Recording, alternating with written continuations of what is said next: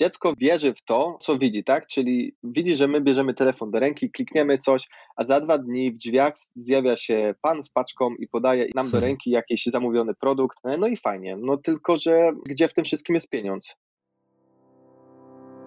Jak odnaleźć się w finansach? Jak sprawić, by pieniądze służyły realizacji naszych celów życiowych? Na te oraz inne pytania odpowiadają goście podcastu Po o pieniądzach, którego partnerem jest General Investments TFISA i który mam zaszczyt prowadzić. Nazywam się Radosław Budnicki, na co dzień prowadzę podcast Lepiej Teraz i nie jestem internetowym guru zarabiania. Rozmawiam tylko po ludzku o pieniądzach z ekspertami, którzy zrozumiałym językiem tłumaczą zawiłości finansów i to, jak sprawić, by pieniądze nam służyły, a nie nami rządziły. Serdecznie zapraszam. Witam Was serdecznie w kolejnym odcinku podcastu Po ludzku o pieniądzach. Dzisiaj mamy kolejny odcinek z cyklu Edukacja. Edukacja dzieci, a tym razem będziemy rozmawiali stricte o edukacji finansowej. Otóż do tej rozmowy zaprosiłem Arkadiusza Błażycę, który napisał książkę pod tytułem Kod Biznesik. Oczywiście książkę kierowaną do dzieci. W książce tej oraz w innych różnego rodzaju zabawach, narzędziach, które przygotowuje na co dzień, uczy właśnie dzieci oraz oczywiście dociera do rodziców. W jego materiałach możecie znaleźć informacje, w jaki sposób pomóc Waszym dzieciom odpowiedzialnie zarządzać pieniędzmi. Moi drodzy, serdecznie zapraszam do wysłuchania naszej rozmowy. Witam Cię serdecznie w podcaście Po ludzku o pieniądzach. Bardzo dziękuję, że zgodziłeś się wystąpić. Cześć Radku, dzięki za zaproszenie. Bardzo mi miło. Na początek, jakbyś mógł powiedzieć słuchaczom, którzy jeszcze Ciebie nie znają, mam nadzieję, że poznają i będą więcej czytali na Twój temat i szukali informacji. Czym się zajmujesz zawodowo na co dzień? Zawodowo jestem y, biznesmenem, testerem, to znaczy się testuję różne pomysły na biznes. Prowadzę aktualnie trzy biznesy, jest to właśnie kodbiznesik.pl, czyli pierwsza księgarnia z przedsiębiorczymi książkami dla dzieci. Jest to też księgarnia biznesowa dla dorosłych, y, z tym, że w UK, y, księgarnia biznesowa CUK i jest to taki nowy projekt First Ink związany z drewnianymi zabawkami dla dzieci więc gdzieś jednak cały czas poruszam się wokół tych tematów biznesu i dzieci. Biznes, rozwój osobisty, bo widziałem tu Twoją księgarnię, kliknąłem na link. Y, to są książki po polsku, tak? Dla polskich odbiorców.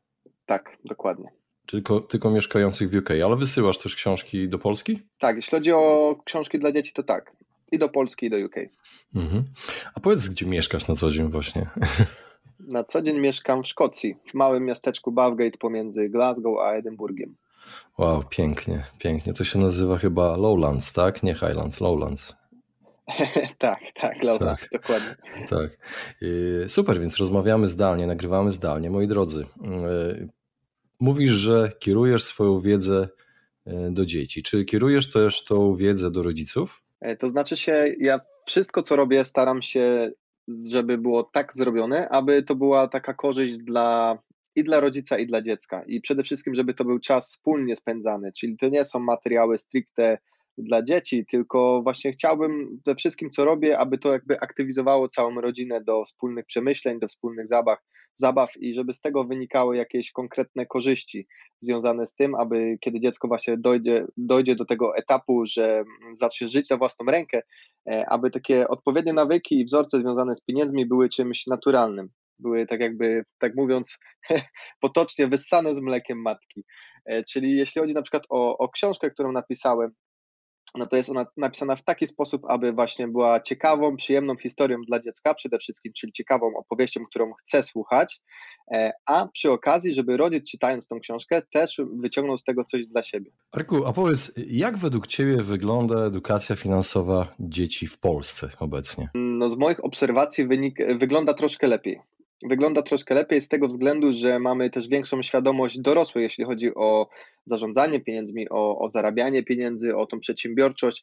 E, no to nie wiem, czy to dlatego, że ja też może obracam się w takim środowisku biznesowym, ale zauważam, że ta przedsiębiorczość jest tak jakby e, teraz w trendzie wzrostowym, czyli coraz więcej ludzi e, chce prowadzić swoje przedsiębiorstwa, coraz więcej ludzi interesuje się swoimi finansami, więc uważam, że coraz więcej jest świadomych ludzi na szczęście, więc co za tym też idzie, idzie, te osoby też chcą edukować swoje dzieci, tak, aby w przyszłości one też nie miały problemu z tym. Ogólnie no, bo pieniądze na życie trzeba mieć i można je mieć, można je mieć z wielu różnych źródeł, że tak powiem, można mieć z pracy tatowej, można mieć z biznesu i że tak powiem, żadna ścieżka nie jest zła, bo nie demonizuje tej pracy etatowej, broń Boże, aczkolwiek taka edukacja finansowa pozwala też być lepszym pracownikiem etatowym.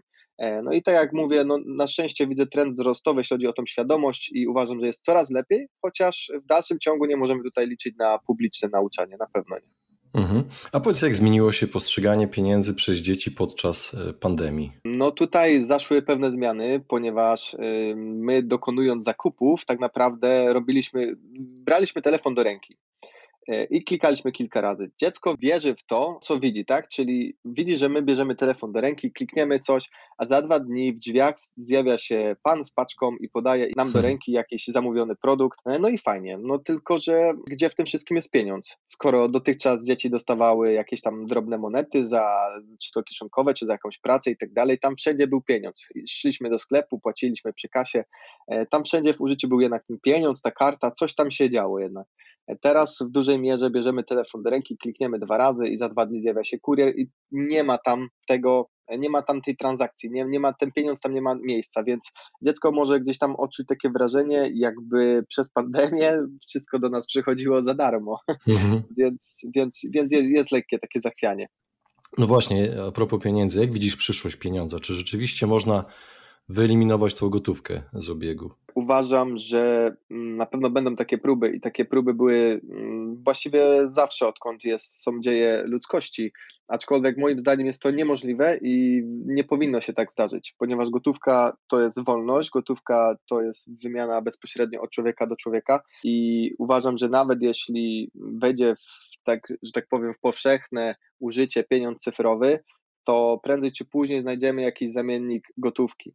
Bo czym tak naprawdę jest gotówka? Gotówka jest czymś, czym mamy przy sobie, tak, co, co, czym możemy się swobodnie wymieniać, więc czy to będą złote monety, czy to będzie jeszcze inny rodzaj cyfrowych walut, e, które będziemy posiadać, niezależnie od tego, przez kogo zostały wyemitowane, e, ale na pewno w jakiejś formie ta gotówka musi być, bo no, człowiek jest tak stworzony, że zawsze będzie chciał tą gotówkę posiadać e, i to on w 100% chce decydować o tym, na co te pieniądze zostaną wydane, więc, więc w takiej czy innej formie ta gotówka zawsze będzie, e, mimo tego, że tak jak mówiłem, właśnie będą próby jej wyeliminowania.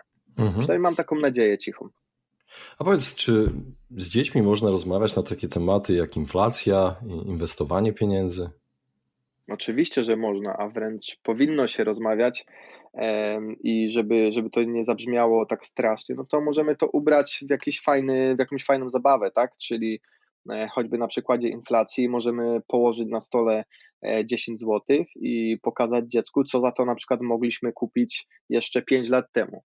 E, znaleźć gdzieś jakieś historyczne ceny, na pewno są w internecie jakieś źródła, które nam w tym pomogą i możemy ułożyć na przykład kilka koszyków warzyw, tak, kilka jakichś tam innych artykułów codziennego użytku i pokazać, co za te same 10 zł możemy kupić teraz. I taka, taka, taka, takie wizualne przedstawienie sprawy na pewno pozwoli dziecku zrozumieć, o co chodzi w inflacji, bo tu nie musimy sypać jakimiś procentami, nie musimy tutaj e, tłumaczyć o dodruku pieniądza, o, o tych wszystkich stopach procentowych i tak dalej. To, to nie ma potrzeby. Wystarczy, że dziecko będzie wiedziało, że pieniądz traci na sile nabywczej z czasem, e, i jeśli zobaczy to na własne oczy przez taki przykład, to na pewno będzie łatwiej to zrozumieć. Tak samo jeśli chodzi o inwestowanie, E, to uważam, że też możemy to wytłumaczyć w taki najprostszy sposób, bo tu tak naprawdę nie ma co komplikować. Nasze dorosłe życie jest wystarczająco skomplikowane e, i kiedy nasi przyszli, do, przysz, przyszli dorośli osiągną e, wiek 18 lat, to na pewno się o tym przekonają, ale tak naprawdę finanse, przedsiębiorczość to jest bardzo naturalna rzecz i, i, i można to też zawrzeć w formie fajnej zabawy, w formie fajnej wizualizacji. Inwestycja, choćby możemy e, się pobawić z dzieckiem, tak, że na przykład może dostać kieszonkowe już teraz, a może je zatrzymać u nas na powiedzmy jakiś tam okres czasu, na który się umówimy, e, powiedzmy miesiąc czasu i po miesiącu dostać e, coś więcej, tak, z jakimś procentem. Więc możemy inwestycje też przedstawiać w taki sposób i, i nie ma potrzeby tego jakoś rozwlekać, nie wiadomo jak i teoretyzować możemy wszystko naocznie pokazać. I tak jest najlepiej. Ja jestem wielkim zwolennikiem tego, aby taką wiedzę przekazywać przez zabawę, przez ciekawe metafory, analogie mm, i przede wszystkim na własne oczy. Mhm. Właśnie widziałem na Twojej stronie y, jakieś gry, y, książkę też y, popełniłeś jakąś. Jakbyś mógł powiedzieć właśnie coś więcej na temat tego, bo widziałem tak, plansza, budżet domowy, gra cashflow, karty do wyliczania ceny lemoniady, bardzo fajnie brzmi, i finansowe rymowanki. Widziałem, mhm. że jest dostępne. Jakbyś mógł powiedzieć parę słów na temat każdej z tych rzeczy? Jasne. Jeśli chodzi o, o te plansze, to są to darmowe plansze do pobrania w formie cyfrowej, czyli w PDF-ie do wydrukowania. E, I tak jak na przykład plansza budżet domowy, to jest to zwykła kartka A4, która po wydrukowaniu naszym oczom ukazuje się kilka kilka kategorii z naszego budżetu. Są to kolorowe kółka e, i są podpisane różnymi kategoriami, na przykład mieszkanie, jest narysowany domek, jest kółko z mieszkaniem, jest edukacja, jest jedzenie, jest rozrywka, e, są oszczędności, czyli takie jakby w ten sposób chciałem na, naocznie znowu prze, przekazać dzieciom to, na co idą pieniądze w naszym budżecie domowym. I celem tej zabawy jest to, że żeby pokazać, jak te pieniądze się rozchodzą, czyli na dole tej kartki też mamy takie duże kółko, które się nazywa nasz budżet domowy e, i tam trafiają pieniądze z naszej pracy bądź z naszego biznesu. E, I naszym celem jest do każdego z, do każdej z kategorii, do każdego kółka przesunąć, przesunąć należną ilość e, pieniędzy. I możemy tutaj użyć albo monet, albo, albo fasolek, albo kamyczków, ale jednak jestem przy tym, aby były to monety, mogą to być złotówki albo grosiki i na kartce spisujemy sobie, ile powinno znaleźć się w każdym kółku i przesuwamy. I, i, co, I co wynika z takiej gry? Wynika to, że po pierwsze, my jako rodzice przekazujemy dzieciom wiedzę taką, że musimy te wydatki planować, e, czyli musimy sobie ustalić, ile z naszej wypłaty pójdzie e, na daną kategorię w naszym budżecie, e, plus dzięki takiej grze też możemy pokazać, że te pieniądze się kończą. Czyli nie jest tak, że, że mamy nielimitowaną ilość pieniędzy, które do nas docierają, tylko ona się po prostu kończy i jeśli my uzupełnimy każde z tych kategorii, e, to do wolnej dyspozycji zostaje tylko to, co zostało w tym kółku budżet domowy, e, czyli to, co do nas przyszło. Może być tak, że zabraknie nam na którąś kategorię, więc w ten sposób możemy pokazać, że musimy podjąć jakieś działania z tym związane, czyli musimy albo zaoszczędzić w którejś z kategorii, e, musimy zminimalizować na przykład wydatki na rozrywkę, na zachcianki, po to, żeby uzupełnić kategorię mieszkanie na przykład, czyli, czyli też oddzielamy potrzebę od zachcianki. E, więc po takiej zabawie naprawdę mogą się wystosować bardzo ciekawe rozmowy, bardzo fajne wnioski, E, i gorąco zachęcam. Ja już taką zabawę właśnie przygotowałem dla moich dzieci, e, które są w wieku, wtedy były 4 i 7 lat, więc jest to naprawdę duży, duży tutaj przekrój. Mhm. E, Jeszcze mam pytanie. O grze Cashflow nie będziemy rozmawiać, bo to chyba dotyczy nieruchomości, tak? Nie tylko. To dotyczy, do, to dotyczy naszych ogólnie decyzji zakupowych. Są tam, są tam też nieruchomości, e, ale chodzi o to, że są trzy, trzy bohaterowie i każdy, trzy bohaterowie i każdy z nich przeszedł jakąś drogę e, i kupił ten sam tak naprawdę produkt. Kupili dom dla siebie, kupili dom na wynajem i kupili samochód. Z tym, że każdy z nich kupił coś innego, czyli jeden kupił droższy samochód, drugi tańszy i na końcu okazało się, kto z nich został z jaką kwotą pieniędzy na koncie pod koniec tej podróży i jaki jest ich przepływ środków pieniężnych, czyli jak ktoś kupił gorszą inwestycję na wynajem, to ma na przykład mniej pieniędzy e, w przepływie miesięcznym. Jak ktoś kupił lepszą, to ma więcej. Jak ktoś kupił droższy samochód, to ma mniej pieniędzy na koncie. Więc tu jest ta różnica pomiędzy aktywami i pasywami e, i też oczywiście właśnie tak jak wspomniałeś, jeśli chodzi o inwestycje w nieruchomości, ale nie tylko, to chodzi o decyzje zakupowe generalnie, o to jak nasze decyzje zakupowe wpływają na nasz stan konta i nasz stan e, przepływów pieniężnych miesięcznych. Mhm. Te karty, to jest, e, brzmi tak, znaczy nazywa się to karty do wyliczania kosztów lemoniady, ale głównym celem tej zabawy jest pokazanie różnicy pomiędzy przychodem a dochodem. Wydaje się to abstrakcyjne, ale ja znam osobiście wiele dorosłych ludzi, którzy położyli swój biznes dlatego, że nie rozumieli tej różnicy. Więc y, tak naprawdę jest to coś bardzo prostego. I ja, ja w ten sposób, tam dziecko ma za zadanie mm, obliczyć właśnie, co składa się na cenę lemoniady, czyli że to nie jest tylko czysty zarobek, y, ale że tam też są koszta, więc nasze dziecko musi obliczyć, ile pieniędzy wyda na, y, na cytryny, na, na cukier, na wodę, na dzbanek i tak dalej i, i na tej podstawie oblicza, ile musi dodać profitu, aby na tym cokolwiek zarobić. Więc to jest fajne, fajne zajęcie, taki pierwszy arkusz, arkusz kalkulacyjny można powiedzieć. Mhm. I jeszcze finansowe rymowanki chyba, tak? Masz? Tak, finansowe rymowanki to jest jedna z części E, książki, która początkowo miała się znaleźć w książce, a finalnie książka została wydana jako tylko opowieść, a rymowanki zostały umieszczone na moim kanale YouTube jako, e, jako, jako po prostu ciekawa animacja z narracją lektora tutaj od Mariusza Rzepki, także też pozdrawiam.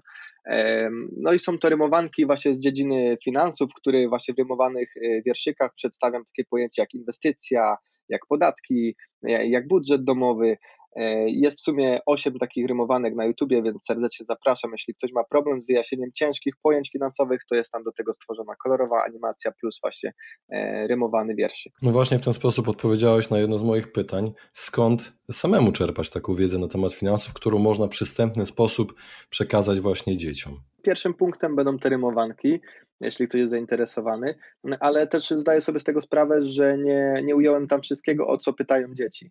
Tak jak wspominałem, mam dwójkę dzieci i, i zdaję sobie z tego doskonale sprawę, że tych pytań jest naprawdę mnóstwo. Szczególnie teraz, kiedy mamy takie różne przewroty w naszym życiu, na pewno tych pytań jest bardzo dużo. E, I prawda jest taka, że my większość informacji mamy w sobie, tylko może niekoniecznie potrafimy je przekazać w łatwy, w łatwy sposób.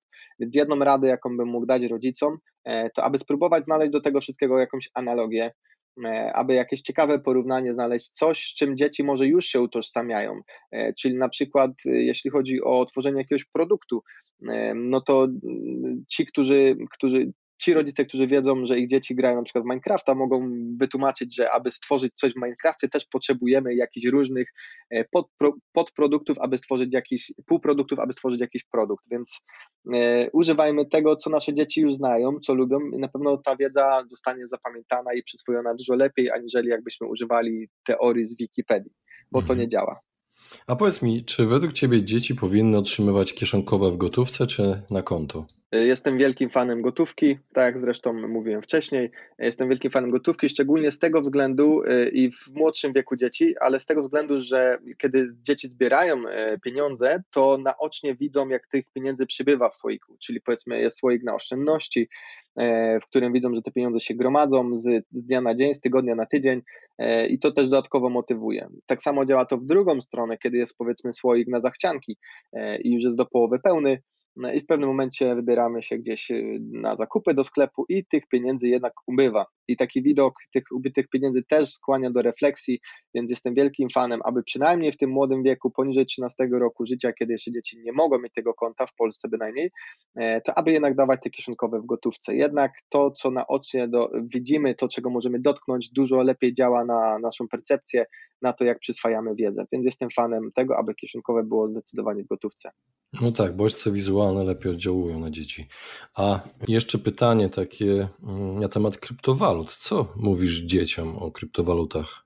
Jeśli chodzi o kryptowaluty, to mówię tak, że to jest i szansa, i zagrożenie, bo z jednej strony jest to duża szansa na to, aby pieniądze były bezpieczniejsze w sieci, a to, na to, żeby transakcje były anonimowe. Ja przede wszystkim mojemu synowi, bo na razie córka ma 5 lat, mój syn ma 8, więc już on jest też bardziej w tematach IT obeznany. Staram się wytłumaczyć, na czym polega technologia blockchain stojąca za krypto, kryptowalutami, bo uważam, że to jest dużo ważniejsze i ma dużo większy potencjał, e, aniżeli same kryptowaluty kryptowaluty jako pieniądz, ponieważ wątpię, aby powiedzmy Bitcoin stał się pieniądzem, e, który może być legalnie używany w krajach, to będzie, będą musiały być waluty emitowane jednak przez rządy, przez bank centralny, aniżeli zdecentralizowane.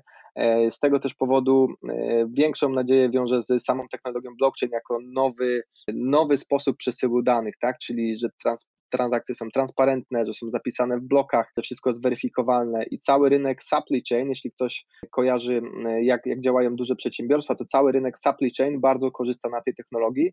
E, i w przyszłości będzie tak, że większość, e, większość biznesów będzie używać technologii blockchain, większość e, punktów medycznych będzie używać technologii blockchain do tego, aby powiedzmy kontrolować też karty pacjenta, historię choroby i tak dalej. Technologia blockchain to jest ogólnie technologia transferu i zapisu danych, więc, więc ma bardzo duży potencjał, więc więc co ja dzieciom mówię o tej technologii, to na pewno to, że powinny ją zrozumieć. I jeśli chodzi o inwestycje związane z kryptowalutami i z technologią blockchain, to ja bym stawiał tutaj właśnie na projekty, które mają w swoim, jakby swojej roadmapie, w swoim celu to, aby usprawnić przesył tych danych. Tak właśnie mój syn w wieku 8 lat zainwestował w kryptowalutę Ethereum i już po prostu widzi, jak ta kryptowaluta rośnie, widzi, jaki ma potencjał, co, co się tam z nią dzieje, wszystkie jakieś informacje z tego świata e, stara mu się przekazywać, on sobie śledzi swoją inwestycję na, na telefonie, więc, więc uważam, że jest to przyszłość i im wcześniej dzieci to zrozumią, tym dla nich będzie lepiej się odnaleźć w tej przyszłości. Mimo tego, że uważam, że ta technologia może działać tylko w tle,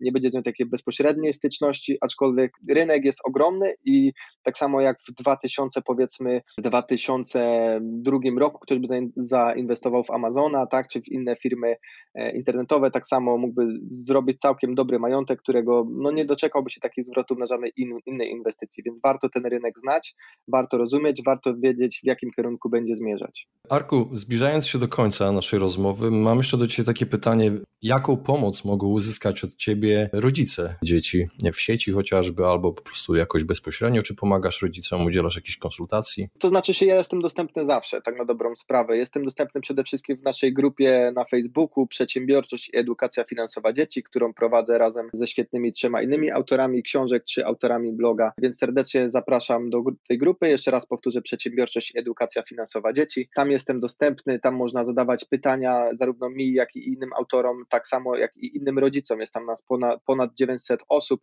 więc na pewno zawsze ktoś służy pomocą. Można też do mnie pisać prywatnie, oczywiście. Konsultacji jeszcze żadnej nie prowadzę, natomiast jeśli było takie zainteresowanie, to oczywiście e, jestem w stanie to rozważyć. Super, bardzo Ci dziękuję za rozmowę. Ja też dziękuję. Właśnie wysłuchaliście podcastu Po ludzku o pieniądzach. Mam nadzieję, że Wam się podobało. Jeśli tak, poświęćcie swój czas, proszę pozostawić swoją recenzję na Apple Podcast. Jeżeli macie pytania lub propozycje dotyczące kolejnych audycji, piszcie do mnie na fanpage'u Po ludzku o pieniądzach i do usłyszenia następnym razem. Pozdrawiam serdecznie.